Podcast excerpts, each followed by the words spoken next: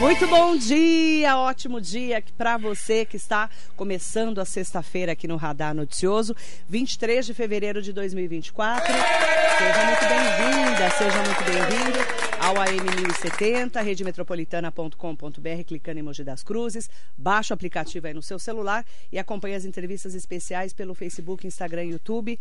Entre lá pelo meu site marilei.com.br.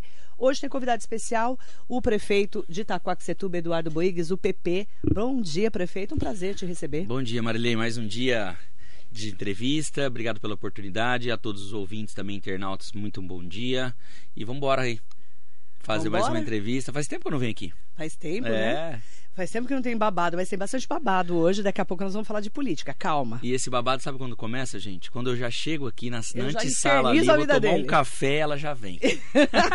Você vai pra onde, Você né? Você vai pra onde? Quem vai ser seu vice? É, já começa umas perguntas, tá tudo né? bem em casa? Tudo Ano eleitoral. Ano tá eleitoral. tudo bem com seus filhos, com a sua esposa? Graças a Deus. Um beijão pra ela. Graças a Deus. Deve estar tá nos assistindo lá. Um beijo, Bom amor. dia pra Mila. E no mês da mulher nós vamos ter entrevistas especiais. Ela tá lá na minha lista, tá?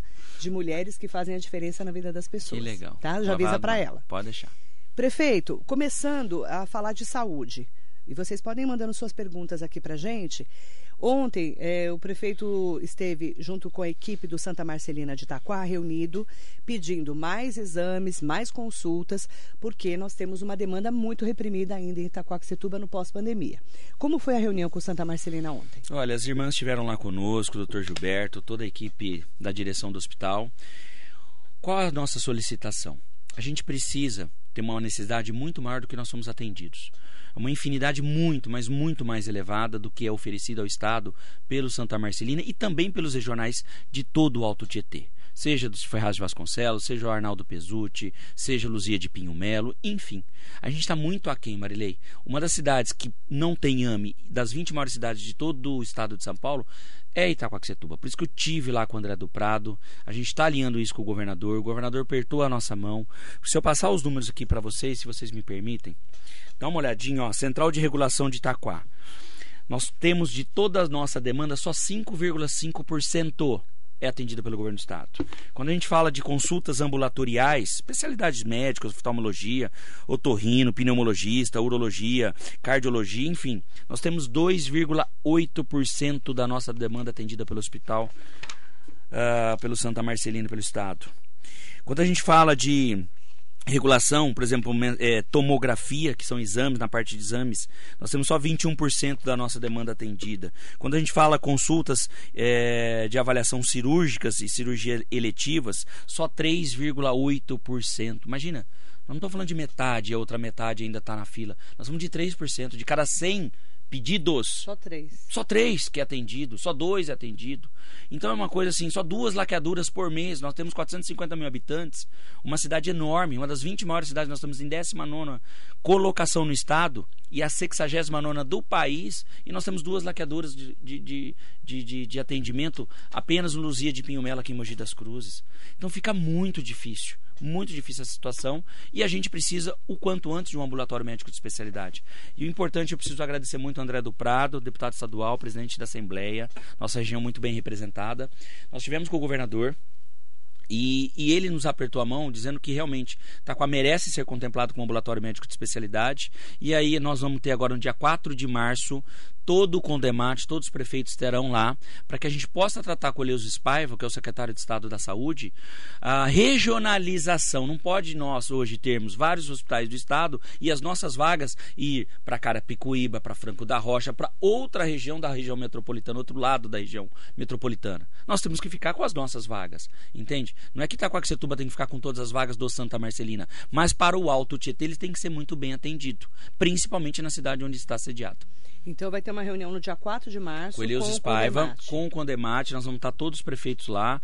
Com, espero que todos também realmente compareçam. É uma necessidade de todos, não é só de Itacoaxetuba, Santa Isabel, Salesópolis, Biritiba, enfim, as cidades menores ainda também sofrem ainda mais ainda do que as cidades grandes. Ou seja, todo mundo está sofrendo com a saúde neste momento e a gente precisa do carinho do Estado combate à dengue, né? Ah, nós sabemos que o governo do estado disponibilizou um dinheiro que já estava para vir, mas adiantou para também combater a dengue. Como é que está a dengue na cidade de Itaquá? Olha, a gente tem uma situação, não é alarmante, mas já é preocupante, como todas as cidades. Uhum. Umas das cidades, algumas cidades da região metropolitana já está em estado até de decreto de emergência. Ainda a gente não vê necessidade disso em Itacoaxetuba, mas são duas coisas que precisam ser feitas para ontem.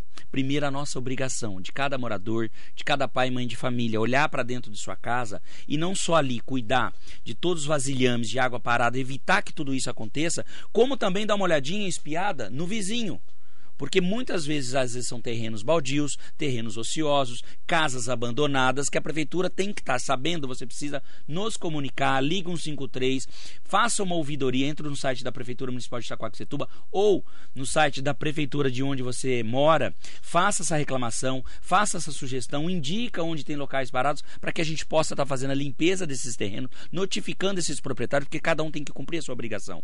E, consequentemente, o Estado tem que fazer a sua parte na vacinação Então, a gente evitando a proliferação e vacinando. Começamos agora pelas nossas crianças. Primeira cidade do estado de São Paulo foi Itaquaquecetuba. Fico muito feliz, muito orgulhoso. Agradecer muito a Ariana, nossa secretária de saúde, toda a equipe de saúde. Saúde é uma luta todo dia, Marilei é um enxugar gelo demais. A gente tem sempre acaba tendo uma demanda reprimida e vai aumentando essa demanda a cada dia pela falta de atendimento. Mas a gente espera muito que o Elias Paiva olhe com carinho pela região do Alto Tietê. Eu pressiono muito isso. A, a, a nossa reunião de dia 4 realmente vai ser pegada, porque faz três anos que todo mundo hoje neste mandato já iniciamos o quarto ano do mandato e nada mudou dentro dos hospitais do estado na região. Como é que está a estrutura de saúde hoje na cidade? a pessoa sentiu sintomas da dengue, por exemplo, está passando mal, ela vai na UPA, no CS 24, na pediatria, onde que ela vai? É assim, se for sintoma leve, ela pode até num posto de saúde mais próximo do seu bairro, okay. né? Ela faz ali o atendimento primário, uma da atenção primária, ela acaba sendo atendida, ela pode passar ali pelo médico, ela pode já levar um paracetamol, ela pode levar um anti-inflamatório, uh, enfim, um remédio ali mais de, de, de, atendimento primário, como ela pode também, dependendo das dores, se for uma situação já mais complicada, ir direto para o pronto atendimento. Tá. Ou ela vai na UPA, ou ela vai no CS 24 horas. Uhum. Se for crianças de menos menos 14 anos de idade, até 14 anos, já pode levar essa criança direto na nossa pediatria. Temos que ter um pouquinho de paciência, é um período sazonal, complicado, que normalmente muitas pessoas hoje, com uma, uma vez infectada aí pela dengue, é, contagiada, acaba fazendo com que o atendimento seja um pouco mais demorado devido a essa grande demanda que está tendo hoje em todos os hospitais da região. Falando em enchentes, né? Nós sabemos que estamos num período de chuvas. Itaquá já sofre há muitos anos com as chuvas. Esse ano, é, como é que está a chuva em relação aos pedidos que você já fez, inclusive, para o governador Tarcísio de Freitas, porque ele veio em Itaquá, foi a primeira foi o ano passado, veio, O né? ano passado foi triste demais, foi. Marilei. Foi mesmo. Olha, eu, é, o que a gente precisou montar um abrigo dois abrigos, na verdade, um na Maria Augusta, um na Vila Japão, para socorrer as famílias. Uhum. Passamos noites e noites em cima de tratores para buscar essas famílias uh, que foram afetadas por essas enchentes, por esses alagamentos. Cuidamos dessas famílias dentro dos abrigos. Parceria com o padre Luiz Mercúrio, montamos um dos abrigos embaixo ali da igreja uh, Divino Mestre, na Vila Japão. Ele nos ajudou demais. Aquela que acabou pegando fogo, infelizmente, a gente está pedindo ajuda até hoje para a gente poder reformá-la. Está em andamento. Agradeço ao padre, um abraço, padre. Mas este ano já melhorou a situação muito mais comparativa ao ano passado, porque nós iniciamos com o governo do estado o desassoreamento do rio Tietê. Uhum. Nós mantivemos as bocas de lobos, o desentupimento dos bueiros, todo o tempo sendo feita uma manutenção diária, então isso ajuda demais. É, mas ainda a gente tem pontos de alagamento. Mas a água já está escoando muito mais do que foi ano passado, que demorou o mês todo. 30, 40 dias as casas ficaram afetadas. Então, desse, por enquanto ainda, graças a Deus, os danos são bem menores do que no ano passado e a gente vai continuar trabalhando todos os dias para ajudar as famílias afetadas. Segurança pública, né? Você é delegado, é, inclusive posta muita coisa sobre polícia, né? Até pela... Ah Posto mesmo. trabalho. Posto mesmo. A saidinha foi sensacional. Agradecer o Congresso Nacional. É, o Derrite fez a. Quando, quando hoje atual secretário de Segurança Pública do Estado, mas quando o deputado federal fez a propositura do PL, esse projeto de lei foi aprovado na Câmara e agora no Senado, acabando com as saidinhas, vai retornar por exemplo, para a Câmara, para que eles possam ver algum curso profissionalizante, ter, o término da, do segundo grau, enfim, a alfabetização do preso, que eu acho que aí faz parte da ressocialização, quando quer estudar, quer trabalhar, realmente é devido. Mas agora, para sair, para roubar o cidadão de bem, aí, meu querido, não tem que ter direito a nada, tem que ficar lá na tranca mesmo. Falando em Secretaria de Segurança Pública, como é que está a estrutura hoje da Polícia Militar e da Civil na cidade de Itaquá, em detrimento é, dessa criminalidade? Como é que está hoje? Olha, realmente precisa de investimento. A Polícia Civil e a Polícia Militar continua necessitando de maneira urgente a recomposição dos seus homens, do seu quadro efetivo, mas o governador já liberou, eu tive com o Derrite há um tempo atrás, já liberou a realização de concursos públicos. É que a academia, por exemplo, de, da Polícia Civil é pequena, não tem espaço para a gente ter um número muito maior já de aprovados que já iniciem juntos, de maneira concomitante, a academia de polícia para que seja liberado direto para vir para as ruas. Uhum. Então, mas pelo menos o, o, os concursos estão liberados e o Derrite aí, a Secretaria de Segurança Pública, vai o quanto antes realizar para que esses quadros sejam completos. Até lá, quem faz a parte da segurança pública maior dentro da cidade de Itacoaxetuba é a nossa Guarda Civil Municipal. Preciso agradecer o Coronel. O Coronel Caldeira é um cara sensacional, fantástico.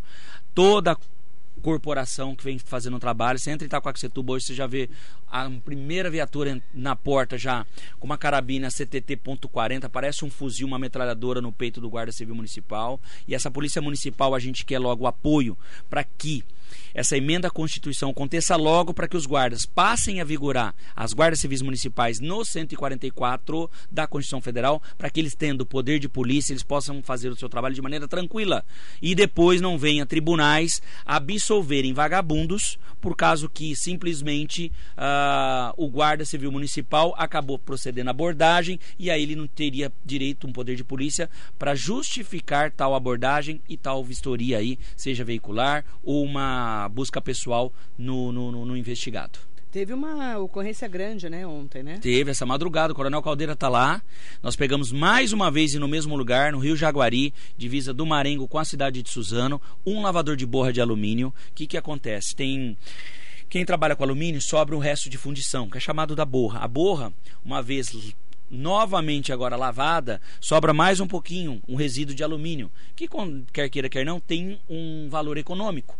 Só que essa fruta, o que sobra da lavagem, ao invés de eles passarem pelo tanque, fazer todo o tratamento, para depois fazer sua, o seu despejo em local adequado, eles fazem o que para não fazer ter o gasto? Diretamente no rio. E aí acaba soreando e quando das chuvas, o Marengo alaga, o, a Vila Japão, a Vila Sônia, a Maria Augusta, todos os bairros. E a gente fez o flagrante ontem, dois indivíduos foram, já foram detidos, foram levados para a delegacia, a gente está aguardando a realização de perícia e hoje mesmo eu falei com o coronel essa madrugada, a gente vai pedir para o juiz a gente poder passar o trator, o trator Nossa. nesse galpão para que realmente eles não usem mais o quanto Nossa. antes aí tão cedo esse mesmo local para essa é um crime tudo, ambiental né? uma... você não... eu vou mostrar para vocês depois nós vamos postar hoje na minha rede social vocês me acompanhem que está nos assistindo o delegado Boix esse vídeo que você vai ver que ato criminoso que é com a nossa própria natureza e com as pessoas que sofrem depois com as enchentes é um absurdo melhorou a, a a história lá do entulho, que você andou xingando o povo lá? Não é que eu xingo o povo. Eu luto pela minha cidade. Xingando o que eu digo. E ele, cidadão ele que dá, mora em Minha mãe falava, dá um pito. É, um pito. É um, um belo pito. pito. Uma bela puxada de orelha, puxada né? de orelha. Exatamente. Porque não é possível, Marilei. Você entra numa cidade, quando você vê o mato capinado, roçado, a cidade limpa, a cidade sem entulho nos cantos, nos muros, enfim, nas vielas, nas bocas de lobo. Quando você vê isso, você vê uma zeladoria bacana, você vê uma cidade organizada e você olha e fala, poxa, eu tenho orgulho de morar aqui, poxa, aqui está fazendo, o prefeito realmente está trabalhando, está tudo tá limpinho. limpo. Lógico, isso é questão de saúde também. É. Saúde Porque pública. se você mantiver locais com entulhos, locais com lixo, vai gerar barata, rato, vai ter problema de saúde Foco de pública, dengue. foco de dengue, problemas com escorpião, que todo mundo reclama e tem medo e realmente é necessário. Então, se a gente cuidar um pouquinho mais, você concorda que nós vamos ter uma cidade melhor, uma vida Claro. com mais qualidade? E aí, quando eu, fico, quando eu pego mesmo, ah, eu filmo, eu mostro, e dá a um pessoa tem que na aprender. pessoa. É igual, nós fizemos também uma avenida nova me prefeitura, né? agora. Já foi para Itaquá faz tempo, né, Marilei? Não vai, né? Não eu sai não aqui de Mogi das Cruzes, no né? jogo do Aster? Ah, ela foi no jogo do Astra em Fala janeiro. mal de mim, eu tomei chuva. Eu parecia um pinto molhado. Mas nós fizemos um golzinho na final, olha, no final do primeiro um tempo e depois no jogo, hein? final do segundo tempo. Eu não fui lá em Itaquá, doido. Foi maravilhoso, foi mesmo. Ficou no camarote com a gente lá. Foi. E aí, Marilei, falando um pouco de cuidados com a própria cidade, a gente fez uma prefeitura, uma avenida nova, vereador João Fernandes, a gente Sim, fez vi. toda a revitalização dela. Vi. Ciclovia, faixa de pedestre para caminhada, iluminação de LED, paisagismo, gramado. Você acredita que tem gente que passa com o cachorro? Poxa, vai sair com o seu cachorro? Eu tenho dois. Eu pego um sacolinha, duas sacolinhas ali, dois saquinhos plásticos, apropriado para fazer o quê? Depois a limpeza, se caso é, fizer os cachorros dois. fizer o número 2, eles estão passeando ali na avenida, aí o cidadão pega o cachorro, coloca em cima ah, da mureta, que faz a divisão das avenidas, o cachorro fica cavucando o gramado, defeca ali, ele tira o cachorro, vai embora e larga em cima para todo mundo ver e passando do lado. Isso é falta de respeito, isso é falta de Educação. educação, de berço. Isso não é justo, tanto com as outras pessoas e com a própria cidade. Então a gente pede muito que as pessoas cuidem mais de onde mora, É. porque é ali que a gente tira o nosso sustento, é ali que a gente convive o dia todo, é ali que os nossos filhos estudam, que a gente mora, que a gente respira. Então a gente tem que ajudar a cidade. Eu vou ler a mensagem do Gustavo do jeito que ele mandou. Gustavo Carvalho. Bora lá. Bom dia. Tomava café contigo na padaria Renascer, na Marechal Tito. Nossa, aí Faz 100 anos, mais ou eu tava no. Itaim Paulista essa época. Não vou nem 2000 comentar, não vou acho que é comentar esse assunto. 2003 ou 2004. Faz 20 anos, né, Gustavo? Você tá é rodado. isso, Gustavo Carvalho? Gustavo Carvalho. Aí ele escreveu assim: ótimo trabalho desenvolvido em Itaquaquistão. Olha lá. Tá ah lá. A ele lembrança. fica doido, ele fica doido. Fica o pé da vida. Quem desenvolve trabalho igual ao, do senhor em Itaquá administra qualquer cidade do mundo. Parabéns. Obrigado, Gu. Por que, que você fica bravo quando fala Itaquaquistão? Porque você não pode autorizar, você não pode permitir de quem você gosta, que você ama, que as pessoas falem mal. A cidade foi sempre sofrida. A cidade tem um povo honesto, trabalhador, ordeiro, pessoa que levanta 4, Ele 5 horas da manhã, da porque não, tem, não tinha até então vagas de emprego na cidade, tem que sair 4 horas da manhã para trabalhar em São Paulo. é, Pegar o trenzão cheio. Trenzão cheio, pegar busão, enfim. E volta 10 horas da noite, não sabe o que acontece na cidade, não acompanha a vida social, tem que trabalhar o dia todo, seus filhos ficam jogados na rua lá. E aí passa um gestor, passa outro, passa um último prefeito que não faz uma nova UBS, que não constrói uma escola, e a cidade vai ficando deficitária. Então isso não é culpa do povo, isso é culpa dos governantes que ali passaram. E agora não. O nosso maior legado é fazer com que a cidade tenha uma nova gestão, tenha um novo horizonte, que coloque nos trilhos, que saiba onde quer chegar, para que outros que agora vir depois do Eduardo, não é que a gente é o supra-sumo, o The Best, não. É simplesmente estar fazendo a nossa obrigação. Porque fazer gestão boa com, com orçamento dinheiro- baixo, aí eu falo para você, não é fácil. Porque faz- se for com dinheiro, Trabalhar mas com dinheiro é fácil, ah, né? aí não faz mais que obrigação. Então a gente, você entra hoje no Morro do Borges, porra, não tinha um palmo de asfalto, não tinha uma galeria de, de águas pluviais, uma captação de água, de drenagem, de guia, de sarjeta. Você passa lá no Morro do Borges hoje, que é o nosso Viviane, é outro bairro. Você vai no Recanto Mônica, é outro bairro. No Marengo, é outro bairro. Na Vila Celeste, é outro bairro. Só que a gente poderia fazer muito mais se nós tivéssemos mais orçamento. Por isso que a gente precisa da participação do governo do estado, do governo federal, para que a gente possa alavancar mais ainda a qualidade de Itacoaxetuba. Ó, é, ele E falou- chega de Itacoaxtão, viu, Gu? O, Acabou, o, Gus- virou o a página. Gustavo Carvalho falou brincadeirinha. Mas eu tô falando isso, Gustavo, porque uma vez eu falei Itacoaxão pra ele, ele quase me deu uma voadora. Ainda bem que ele não tava armado, né? Por quê? Ele falou, Marilei, isso acaba com a autoestima das pessoas. Ah, demais. Não é verdade, É. prefeito? E quando você trabalha essa autoestima de maneira negativa, ela mesmo passa a não cuidar da cidade, a desdenhar da cidade, jogar entulho onde já tem, joga um pouco mais ainda. Enfim, qualquer tipo de de falha, um buraco que existente, de vez solicitar para a prefeitura aquele reparo, já entra desmerecendo mais ainda o trabalho que está sendo feito. Olha, tá tudo uma merda, olha que porcaria. E isso faz parte do sentimento de pertencimento. E hoje a gente está trabalhando essa autoestima. Quando você tem um Aster que representa Itaquaquecetuba hoje para o Brasil todo, quando fala Aster Itaquá, sabe que é de Itaquaquecetuba. Quando você fala que Itaquaquecetuba recebeu o primeiro lugar de regularização fundiária do país todo pelo Instituto Habita. Olha o trabalho da doutora Ângela e da equipe dela. Nunca se teve, nunca nenhum prefeito entregou uma matrícula para um pai e mãe de família que está lá há 20, 30 anos naquela casa, naquele bairro, que nunca falou: olha, agora é seu, você não é mais possuidor, você é proprietário, ninguém mais tira. E a gente está regularizando 30 mil residências, Marilei. Quando você pega uma cidade com 18% de esgoto coletado e tratado e fica no primeiro lugar do estado de São Paulo, pelo Instituto Trata Brasil, que mais subiu no ranking de posições, e quarto lugar do país, saindo de 18% para 49,3%, ou seja, metade da cidade de Itacoaxetuba hoje tem esgoto coletado e tratado em apenas três anos de gestão. Uhum. Quando você tem uma prefeitura com selo diamante de transparência em contas públicas, que antigamente todas as contas do Mamoro Nakashima e a maioria do Armando da Farmácia foram reprovadas pelo Tribunal de Contas, e quando você pega primeiro ano de gestão nossa e já é aprovada pelo Tribunal de Contas, com selo diamante de transparência em contas públicas, a gente vê que a gente começa a melhorar a vida da cidade. Que realmente a gestão está no caminho certo. Ó, oh, eu quero mandar bom dia especial para Marinete Sangi de Almeida Bruno, o tratamento de esgoto, quando teremos um tratamento de esgoto de 400 mil pessoas? Olha, com a privatização da Sabesp, Vamos lá. O Tarcísio de Freitas, nosso governador, está fazendo reuniões. Você é a favor? Sim. É? Sim, sou. Pelo que nos foi proposto, eu sou. Tá. Porque, primeiro de tudo, a, o, foi declarado que não haveria um aumento da tarifa, da taxa de saneamento básico com relação ao contribuinte. Correto? Foi então, o que ele disse, né? foi o que ele disse, que não haveria o aumento. E segundo, a universalização para Itacoaxetuba, como ela perguntou para mais de 400 mil habitantes, aconteceria 100% de esgoto coletado e tratado em Itacoaxetuba em 2029. E não mais 2035, 2040. Então, anteciparia, e isso é questão de saúde pública. Por isso que eu sou a favor. Então, haveria investimentos na cidade, que até então são demorados, seriam antecipados para que a gente tivesse essa universalização o quanto antes. Por isso que eu sou a favor. Manda bom dia para a vereadora Débora.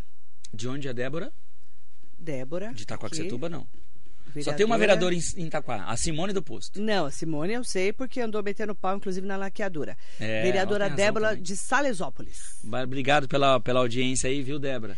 E acompanha e... o seu trabalho, falou com o, o prefeito Eduardo Boigues. A Itaquá avançou bastante, parabéns pelo seu trabalho. Infelizmente, as leis são falhas em relação a bandido, ela está comentando. É, mas nós estamos melhorando, viu? Espero, viu, Débora? Primeiro, parabéns pelo trabalho aí, prazer estar tá falando com você. Um abraço ao nosso prefeitão aí. Mas eu espero também que o presidente da República possa sancionar o projeto de lei aprovado com o fim das saidinhas. Aí eu te pergunto, será que o presidente sanciona? Será? Estou em dúvida.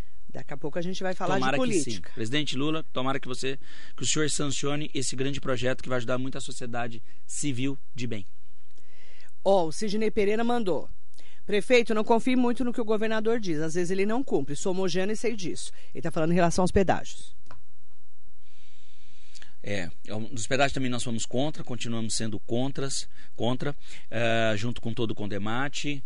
Não tem que se cobrar nada antes de ser feitos os investimentos devidos. Estão fazendo obras aqui na Mogi, na Mogi Dutra. Então, mas aí esse recapeamento, é apenas recapeamento. Obras de revitalização, traz mais segurança viária, ok. E mas, quando você fala de Mogi Dutra até Mogi, entre o trecho Arujá e Mogi, ela já está totalmente duplicada e nós já pagamos por isto. O que poderia ter feito e acontecer as melhorias é de Mogi das Cruzes até Bertioga, com a duplicação da Mogi Bertioga, com áreas também de escape, com áreas de, de bolsões para maior segurança, enfim, telefones a, a cada um quilômetro, evita tá sem, sem, segurança, melhorar a encosta, dias. muros de arrimo é. para evitar os deslizamentos das pedras, de terra, enfim, que acontece via, via geralmente e a, ocasiona a paralisação dessa, dessa inter, interligação importante entre as duas cidades. Enfim, aí eu até eu concordaria em fazer a tarifação nesse trecho na parte de baixo até o litoral. Mas aqui em cima, onde já está pronto e constituído, eu sou contra. É, vou falar com o Fernando de Melo Machado. Bom dia, prefeito. Precisamos de ajuda no Jardim Joseli. Muitas ruas esburacadas. Nos ajude, por favor. Travessa Servidão. Fernando, Vou, vou anotar aqui para você. O tapa-buraco vou te enviar aí também, porque com as chuvas. Olha, o que, que acontece em Itacoaxetuba? Muita gente lembra do Armando da Farmácia pelo asfalto, né? Sim. Tirou asfalto de 50% para nos 70%, não sei, enfim.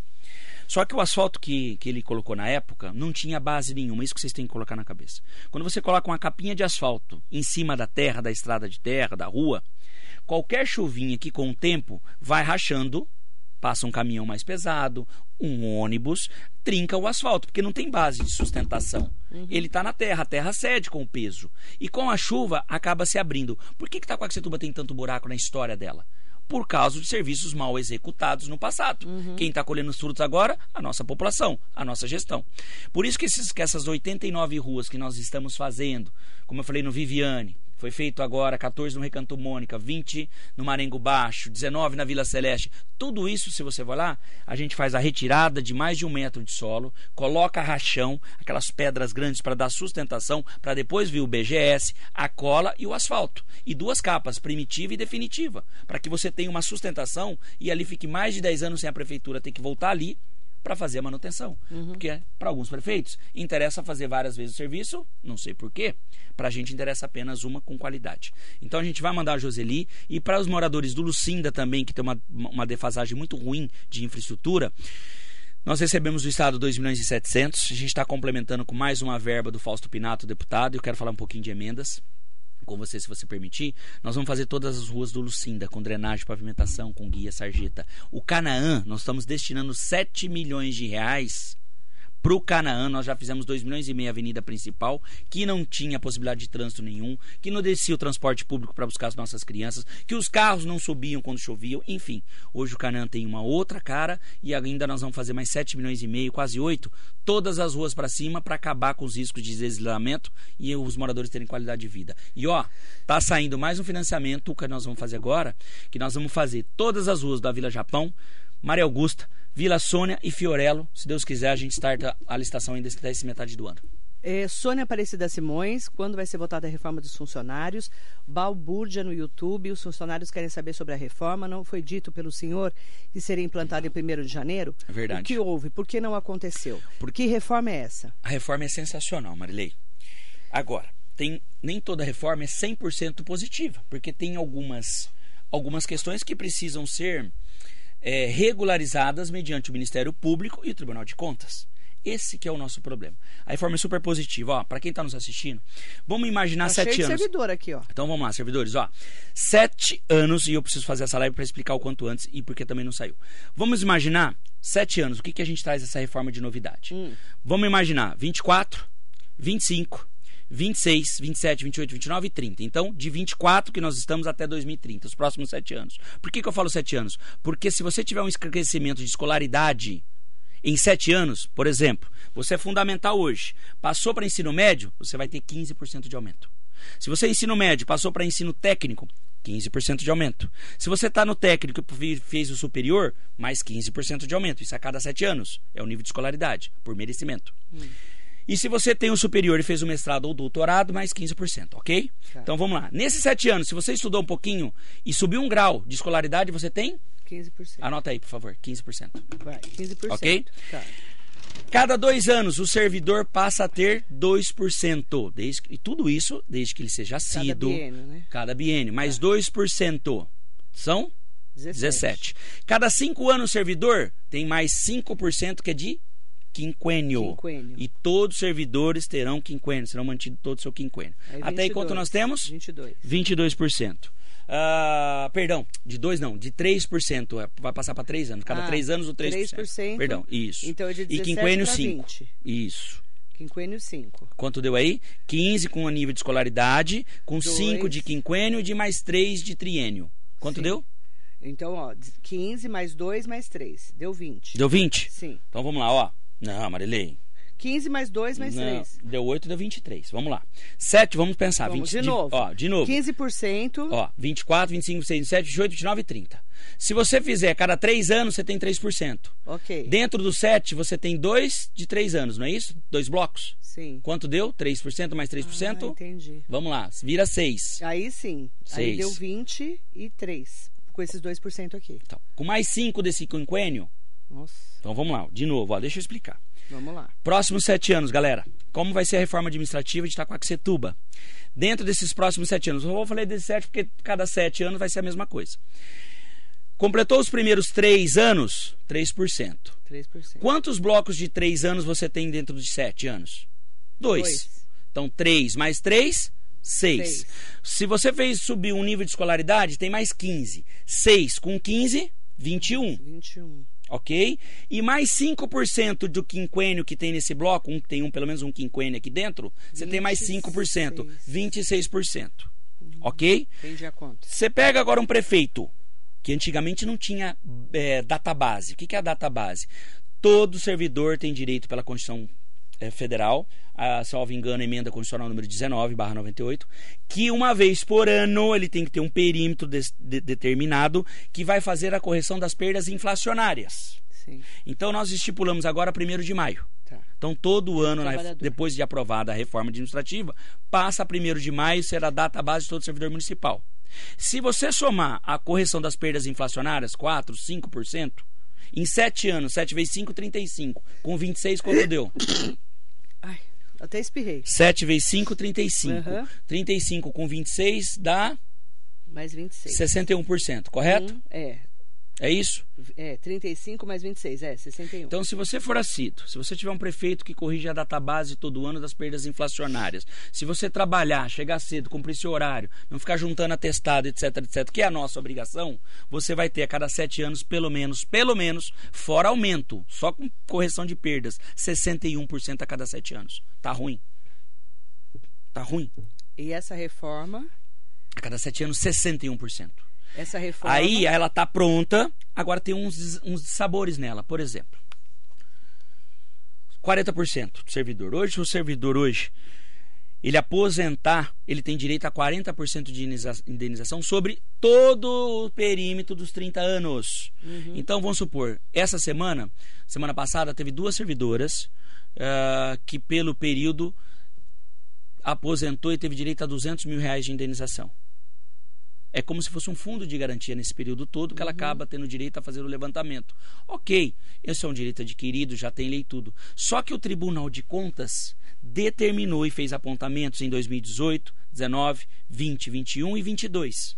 Cinco anos consecutivos que ele vem apontando para ter, é, não mais cumprir, revogar essa lei é obrigatório. E quando ele aponta uma vez, duas, três e o prefeito não faz, ele comunica ao Ministério Público que vão entrar com uma ação declaratória de inconstitucionalidade e vai sobrar por improbidade administrativa para o novo gestor como o Ministério Público fez agora com a gente, de tirar ah, o vale alimentação dos inativos. Se você já está aposentado, o que, que, o Ministério Público entende? E não é nosso. Vale que você não tem mais que pagar vale alimentação. A pessoa come, que ela, ela, tem que se alimentar dentro da casa dela, Sim. ou com o salário dela que ela se aposentou. Entendi. Mas, poxa, tirar 100, 200 reais não é muito de vale alimentação.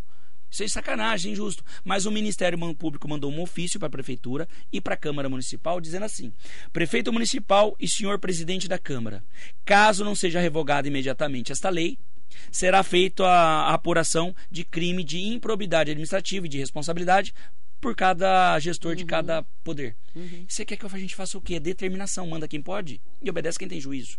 Então tem coisas na reforma que a gente às vezes tem que fazer que não é porque a gente quer, é porque nós somos obrigados. Eu sou servidor. Você acha que eu quero que alguém tire algum direito que é meu? Já é direito líquido e certo, já é de garantia. Nós trabalhamos para isso. Então tem situação na reforma que a gente não consegue resolver. E essa reforma vai para a Câmara? Vai para a Câmara agora. Só está terminando o estudo de impacto orçamentário para que até março, no máximo abril, a gente entre na Câmara e aprove. Pronto. E vai fazer uma, uma readequação. E olha que legal. Por exemplo, Vigia. Sabe quanto é o salário inicial de um vigia hoje em Itacoaxetuba? R$ 1.450. R$ 1.450 é um salário mínimo. Nós estamos levando para 2.550. Eles vão ter direito a R$ 1.100 já no primeiro mês de aumento, na, quando passar a reforma. R$ 1.100. As, as, as, as, as auxiliares de creche, por exemplo, ganham também 1.450, um salário ridículo. E estavam trabalhando seis horas, que é ilegal todo mundo tem uma carga horária de 8 horas, não pode ser 6.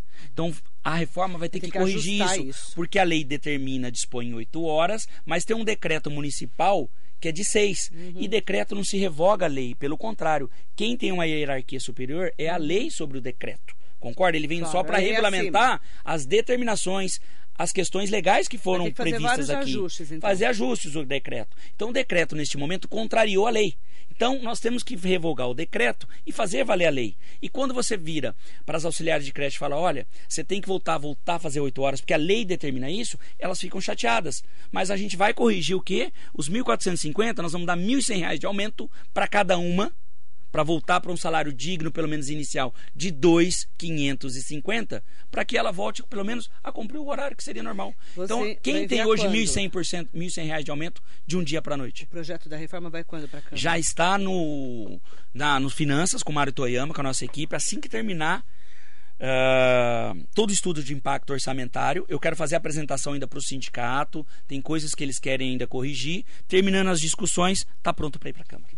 Mas, Qual servidor, prazo? ponha, ponha isso na cabeça de vocês. A reforma vai ser boa. Vocês vão gostar. Se você trabalhar, se você for assíduo, se você chegar na hora, cumprir o seu horário, se você não juntar atestado todas as vezes, por exemplo, só cumprir nossa obrigação e estudar um pouquinho, cada sete anos, você vai ter pelo menos 60% a mais de, de, de aumento de salário.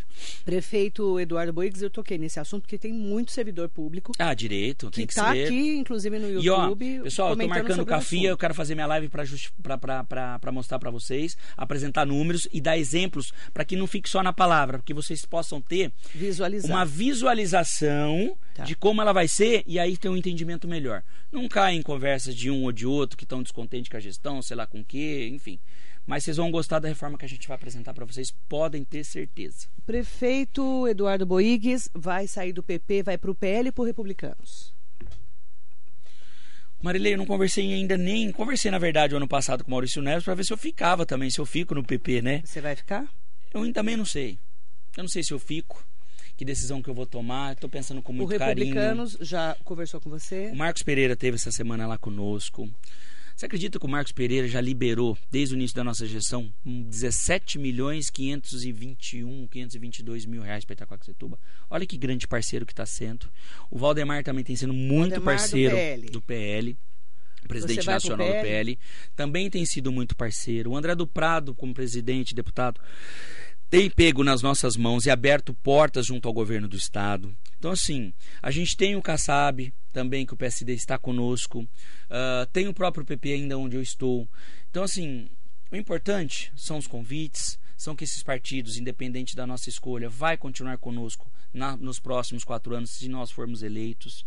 Então, assim, eu fico muito feliz de a gente estar hoje no mapa político do Estado e, na- e no, e na- no cenário nacional. Quando a gente tem convite é porque a gente realmente está dando, fazendo o nosso trabalho, E cumprindo o nosso define? dever. E aí eu tenho que definir até 6 De abril. de abril. Então, quer queira, quer não, falta aí Um uns e 40 dias. Um mês e pouquinho. Exatamente. Aí você ainda não definiu. Ainda não. Tá. Quem vai ser seu vice? Também ainda não defini. Eu tenho até o Rogério junho. Tarento, que está aqui com a gente? Não, um abraço pro Rogério Rogerinho. Tarento, tá definido? Eu tenho cada, eu tenho muito secretário bacana. Marcelo Barbosa. Marcelo Barbosa. Eu tenho a Maria Cristina que está fazendo um trabalho excepcional a na Cris educação. da educação. Cris, foi um, foi um- Recebemos o prêmio de destaque agora de crescimento na alfabetização pelo governo do estado. Taquaquecetuba, de 645 municípios, ficamos em 120 primeiros como prêmio de destaque no crescimento da alfabetização. Taquaquecetuba nunca tinha sido visto no mapa da educação no estado, de qualquer lugar, simplesmente nas páginas policiais. Hoje, a gente vai Isso é passar a ter a primeira cidade com entreposto alimentício de todo o estado de São Paulo, tirando a CEAGESP da capital. O primeiro entreposto vem para Itaquaquecetuba. Hoje a gente é premiada na área da habitação, de regularização fundiária. Nós somos premiados pelo governo do estado na área da educação. Somos premiados ah, em termos de saneamento básico, que mais cresceu em todo o estado, em quarto lugar do país. Então é isso que mostra que a gente está no caminho certo, sabendo que tem muito que ser feito. E a gente precisa agradecer também muitos deputados. Eu queria ter trazido a lista. Nessas indicações agora Marcos Pereira você já falou. do Marcos Pereira já. Falei com o Valdemar também ontem, com o Tadeu Candelária. Candelária também, que já falou com o Mota, relator do orçamento. Antônio Carlos Rodrigues mandou. Tá mandando mais de 5 milhões para Itacoaxetuba agora. Mário Palumbo do MDB tá mandando 10 milhões de emendas para Itacoaxetuba agora. Delegado da Cunha mandando 2 milhões. Como que é usada a É. emenda na cidade? Como é usado? A maioria em obras e custeio de saúde. A saúde é muito cara, muito cara para se manter. Medicamentos, materiais de enfermagem, São emendas carimbadas já? A maioria são. A maioria a sim. maioria Porque são. quando um deputado manda, o estadual ou federal, já manda é, direcionado. direcionada. É isso que você, algumas pessoas precisam pessoas entender. não entendem. Quando fala assim, poxa, prefeito, você está fazendo quatro, mais quatro campos de futebol e aquele posto ainda que ali está abandonado desde a época do Armando que ninguém terminou, por causa dessa verba carimbada do esporte e do lazer. E a gente tem que investir em todos os segmentos, concorda? E aí a gente conseguiu também essa verba do Palumbo, por exemplo, nós vamos terminar o posto de saúde do Jardim Zélia, que está lá mais de 10 anos abandonado. Como nós já terminamos do Marengo Alto, do Fortuna, do Pequeno Coração, todos, todos eles deixados também pelas gestões anteriores. É, prefeito Eduardo Boigues, é, como que você enxerga as pessoas falarem que você é o melhor prefeito da região? Não, ah. ah, eu fico feliz, agradeço muito o carinho, esse reconhecimento. Mas a gente está tá engatinhando ainda na política, são três anos apenas. E eu tenho uma paixão por Itaquá, Marilei, que quando você fala ou alguém comenta de maneira pejorativa, que desqualifica a minha cidade, pelo tanto que eu amo, pelo tanto que a gente trabalha, sabe? A gente sabe que ainda tem muito que fazer, tem lugares que ainda a prefeitura não conseguiu chegar, mas é por falta de recursos, não é por falta de vontade, por falta de trabalho. Eu acordo 5 e meia da manhã todos os dias, vou dormir 10, 11, meia-noite, uma da manhã às vezes, ou essa noite dormi uma da manhã com o Coronel Caldeira ali, dando os parabéns, organizando a chegada na delegacia da nossa Guarda Civil Municipal, que precisa ser bem atendida. E aí, quando a gente vê esse reconhecimento, isso dá só mais motivação para a gente continuar trabalhando, né? Não é só com críticas destrutivas que a gente vai chegar a lugar nenhum. Se você ama a cidade, quer contribuir para uma cidade melhor, quando é um prefeito eleito, pensa positivo. Eu, por exemplo, não votou no Lula, mas eu penso que ele torço para que ele faça o Brasil realmente ter uma das melhores economias do país, porque vai vir mais recursos para os municípios, os municípios vão dar conta de atender mais ainda e solucionar os problemas da cidade, e a gente vai evoluir, poxa. Nós vamos ter que ficar com o cara quatro anos, nós vamos ter que ficar com esse prefeito quatro anos, nós vamos ter que ficar com o governador quatro anos. Vamos torcer para que dê certo. Você vai domingo na manifestação do Bolsonaro? Não, não vou. Por quê? Porque eu não, não, não entro em guerra ideológica. Sou aqui para trabalhar, eu acolho deputados bolsonaristas, recebo emendas deles, acolho deputados petistas, recebo emendas deles. Hoje eu tenho que pensar na cidade chamada Itacoaxetuba. Se eu entrar num viés ideológico partidário, isso não está levando o Brasil a lugar nenhum. Isso pode pesar na hora de você ir para o PL? Para você ter uma noção, não, não. A decisão minha quando eu tomar, o PL é um super partido, independente de estar quem está lá, se é Bolsonaro, se é na outro também isso, aquilo, independente de tudo isso. Eu luto por Itacoaxetuba e vou lutar sempre, independente do partido. Eu vou para o partido que me der mais condições de ter uma campanha bacana, de ter uma estrutura maior para a gente ganhar a eleição, ser reeleito e continuar o trabalho. Essa vai ser o peso da minha decisão. Independente de Lula ou Bolsonaro. Independente de Lula ou Bolsonaro. Eu acho que isso aí já passou da hora. São muitas fake news que acontecem dos dois lados. E fake news, você que está aí me olhando, cuidado ao usar a rede social. Cuidado com o que você recebe, sem analisar, sem pesquisar direito e retransmite isso. Repassa a, ao teu seguidor, repassa e compartilha em outras páginas. Sabe por quê? Ah, vai acontecer o que aconteceu em Suzano. Você viu? Uma investigação de um vereador que soltou uma fake news que um indivíduo estaria um indivíduo que ele deu todas as características, que usava que o cachorro era coisa do demônio, que isso, aquilo, e o menino com problema psiquiátrico acabou sendo um perigo. linchado por uma falácia de um político que não pesquisou, não foi buscar verdade nenhuma e para se aparecer, angariar likes, ter engajamento e ser o cara da causa animal, sei lá do que, acabou falecendo uma pessoa. Hoje a família sofre lá. Então tem que ter muito cuidado. Hoje, quando você solta que o prefeito é isso, que o prefeito é aquilo, você tem que ter, tomar cuidado, porque tem responsabilidade. Hoje em dia, stalkear uma pessoa, perseguir uma pessoa de maneira virtual, gera processo, gera crime e você pode punir, ser punido e ser preso. Como esse vereador está sendo investigado e pode ser preso por incitação ao crime e ainda por participação, por instigar que outras pessoas fizeram o que fizeram com aquele menino. Daqui a pouco nós vamos falar do caso do vereador Marcel da UNG, inclusive com reportagem especial. É uma irresponsabilidade tremenda, me desculpe, eu sei que ainda vai ser investigado, mas é uma irresponsabilidade tremenda. Como foi feita a população, sociais. tomar cuidado com as redes sociais. Como foi feita com aquela aquele fake news que soltaram com uma mulher que estaria sequestrando crianças no Guarujá e ela, e ela foi, foi linchada e morta e na verdade era uma inocente. Foi assassinada. Exatamente. Eu quero mandar um bom dia especial para o Flávio Ferreira Matos, que é da do Conselho Fiscal aqui da Santa Casa de Mogi das Cruzes, mandando parabéns ao prefeito Eduardo, parabéns pela gestão em Itaquá, como é bacana ver as cidades Suzano e Itaquá sendo administradas nos últimos anos, sucesso na reeleição. Mandar bom Obrigado. dia é, para todas e todos que estão com a gente, tá? Agradecer muito a audiência. É, prefeito, é, esse ano, né, nós estamos aí no dia 23 de fevereiro de 2024, é um ano eleitoral, é um ano que a gente tem que tomar mais cuidado ainda com as informações, concordo Muito, com você. Verdade. A responsabilidade né, que a gente precisa ter ao noticiar, principalmente é, jornalisticamente falando, mas para quem não é jornalista também nas redes sociais. É, o que, que você promete para a população esse ano da cidade de Itaquá em relação ao trabalho? Continuar, continuar trabalhando. A gente tem escolas para a gente entregar esse ano, ampliação de escolas para que a gente possa gerar mais vagas, principalmente de pré-escola, que está faltando em Itacoaxetuba, porque você pega os últimos 10 anos das gestões anteriores, oito de Mamori, mas vai, vamos falar só de uma década para trás, não foi entregue uma nova escola. A gente entregou mais de 20 creches, cinco escolas em Itacoaxetuba. E a gente precisa continuar gerando vagas, né, não só em creche, mas de unidades escolares. A gente compromete também com a saúde de melhorar, de contratar mais médicos. Agora veio os mais médicos do governo federal. Já ajuda quando a unidade é saúde da família, estratégia da família, da gente fazer o atendimento pelas agentes comunitárias, para quem eu agradeço, mando meu abraço. Da gente contratar mais médicos nas UBS. A gente agora tem realmente uma condição um pouquinho orçamentária melhor para aumentar o número de médicos na rede uh, de continuar fazendo entregas. Esse ano a gente entrega a estação de trem da CPTM do Manuel Feio. A gente entrega um novo terminal do Manuel Feio urbano. A gente está já na fase últimas, torçam por nós do PAC, do Programa de Aceleração do Crescimento do Governo Federal, nós estamos já terminando, nós estamos na última fase de aprovar um, o custeio já, a implementação do novo terminal urbano na Avenida Tancredo Neves, vai ajudar até no repasse do recurso da gente comprar e desapropriar o terreno onde nós vamos fazer esse terminal. Então tem muitas coisas ainda que terminar. Estação do Aracaré sendo reformada. Uh, que mais? Contra, a, a, a, a, aquisição de novas viaturas para a Guarda Civil Municipal, novo armamento, novo fardamento. que mais? A implantação de novas bases comunitárias da GCM, como a do, do Monte Belo, que está sendo construída. Olha, Marília, tem bastante entrega esse ano, graças a Deus. Nós temos pista de skate na Vila Virgínia.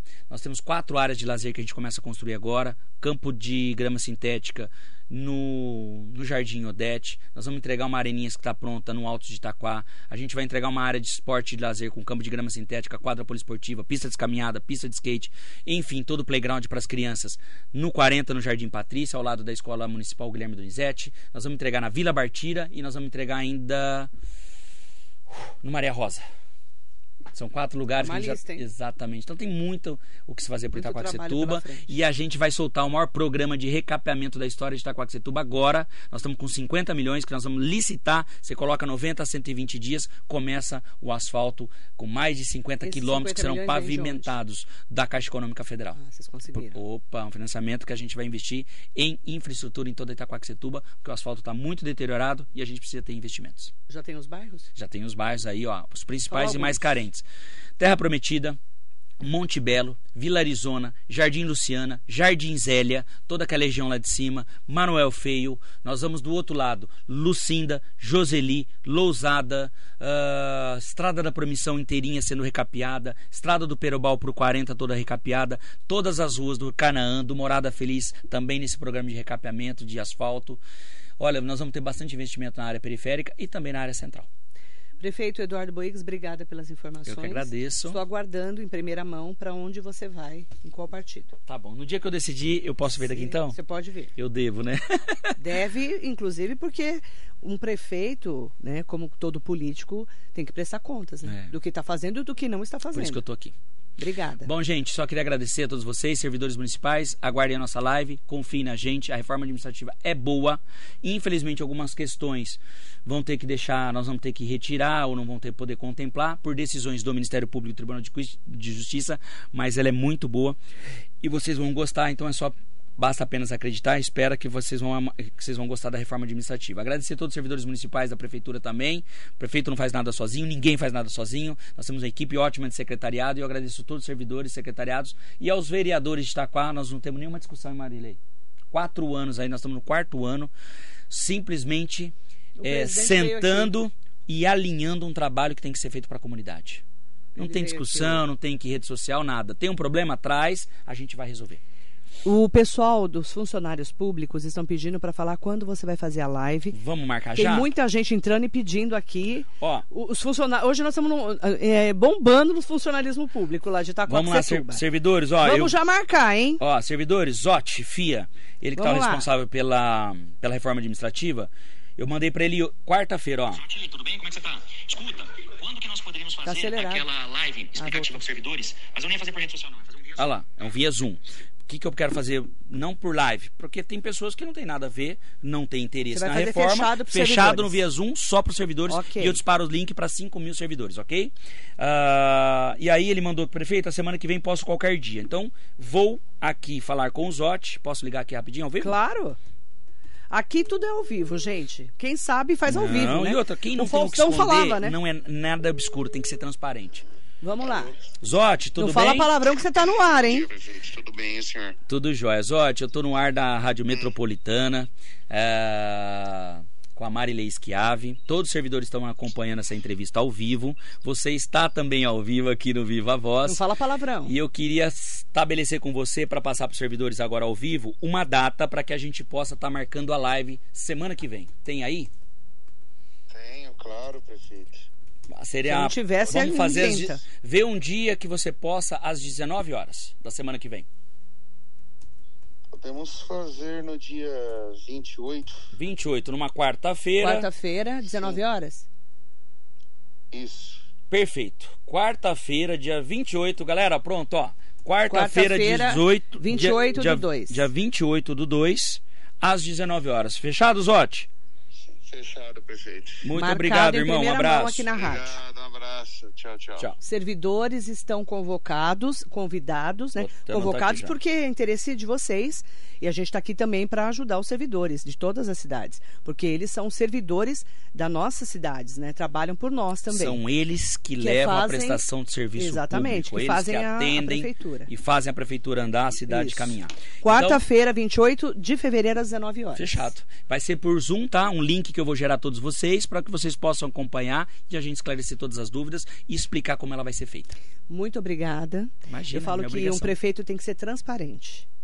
Falar a verdade. Má. Sim, sim, não, não. Marilei, Pronto. gosto tanto dos servidores. Eu sou filho de professora. Eu Então sou servidor que do. Estado há mais de 22 É, anos. você é servidor. Poxa, a gente deu 27% de arroz, já corrigimos todas as perdas inflacionárias nos dois primeiros anos que os servidores não tinham desde 2019 e 20 com o Mamoro também. Então, gente, o que puder fazer, se a gente não está fazendo mais, é porque a gente também tem um cobertor pequeno.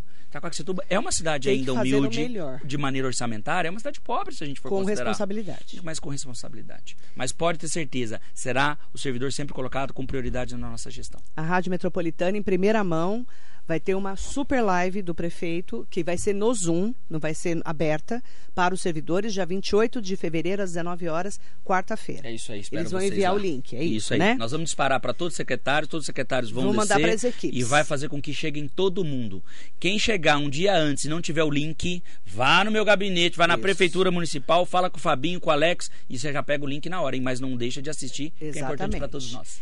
Em nome do Mário Tel Magalhães, lá da RTV Filmes. Ô, Telzão é Maravilhoso, parceiraço. parceiro Um abraço, nosso. Tel. Parceiro meu há mais de 30 Faz um anos. trabalho lindo, tem uma Porque ele é estrutura muito mais velho fantástica. que eu, você sabe, né? Ele foi meu professor. Você vê como ele é velho? Você gosta de tocar na idade, né? Primeira coisa quando eu chego aqui, falo, é, você já foi mais bonito. Eu viu? falo, você já foi mais Falei, novo, eu falo. é. Você tá. Como ele como embranqueceu esse cabelo dele e a barba, né? Ai, meu Deus. Ele falou que é a prefeitura que deixa de cabelo em pé, né? Olha, Ele, ele eh, envelheceu, né? ontem, ontem eu fui, eu tive com Ele fica doido quando eu falo isso. Ontem eu tive na Assembleia, tive com o Fernando Marangoni, deputado federal, tive com o Gé, meu amigo, enfim. Nós estávamos ontem reunidos à noite também.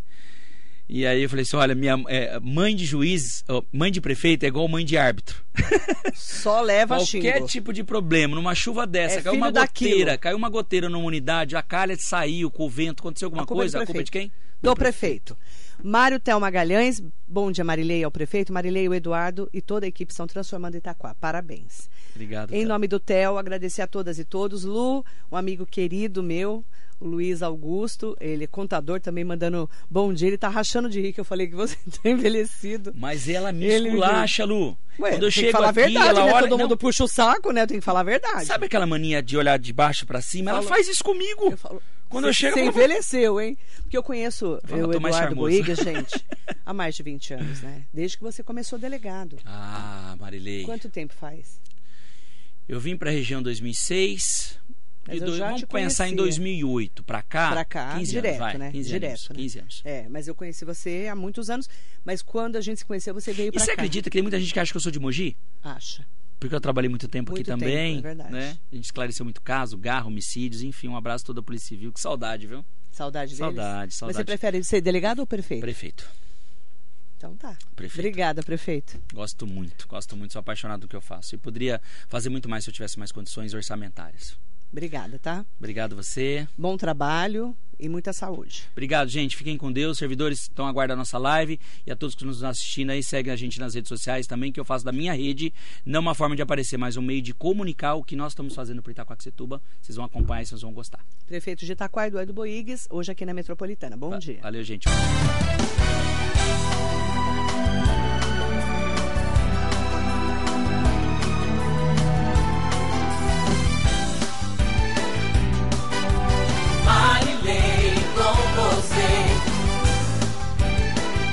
Pomponifera.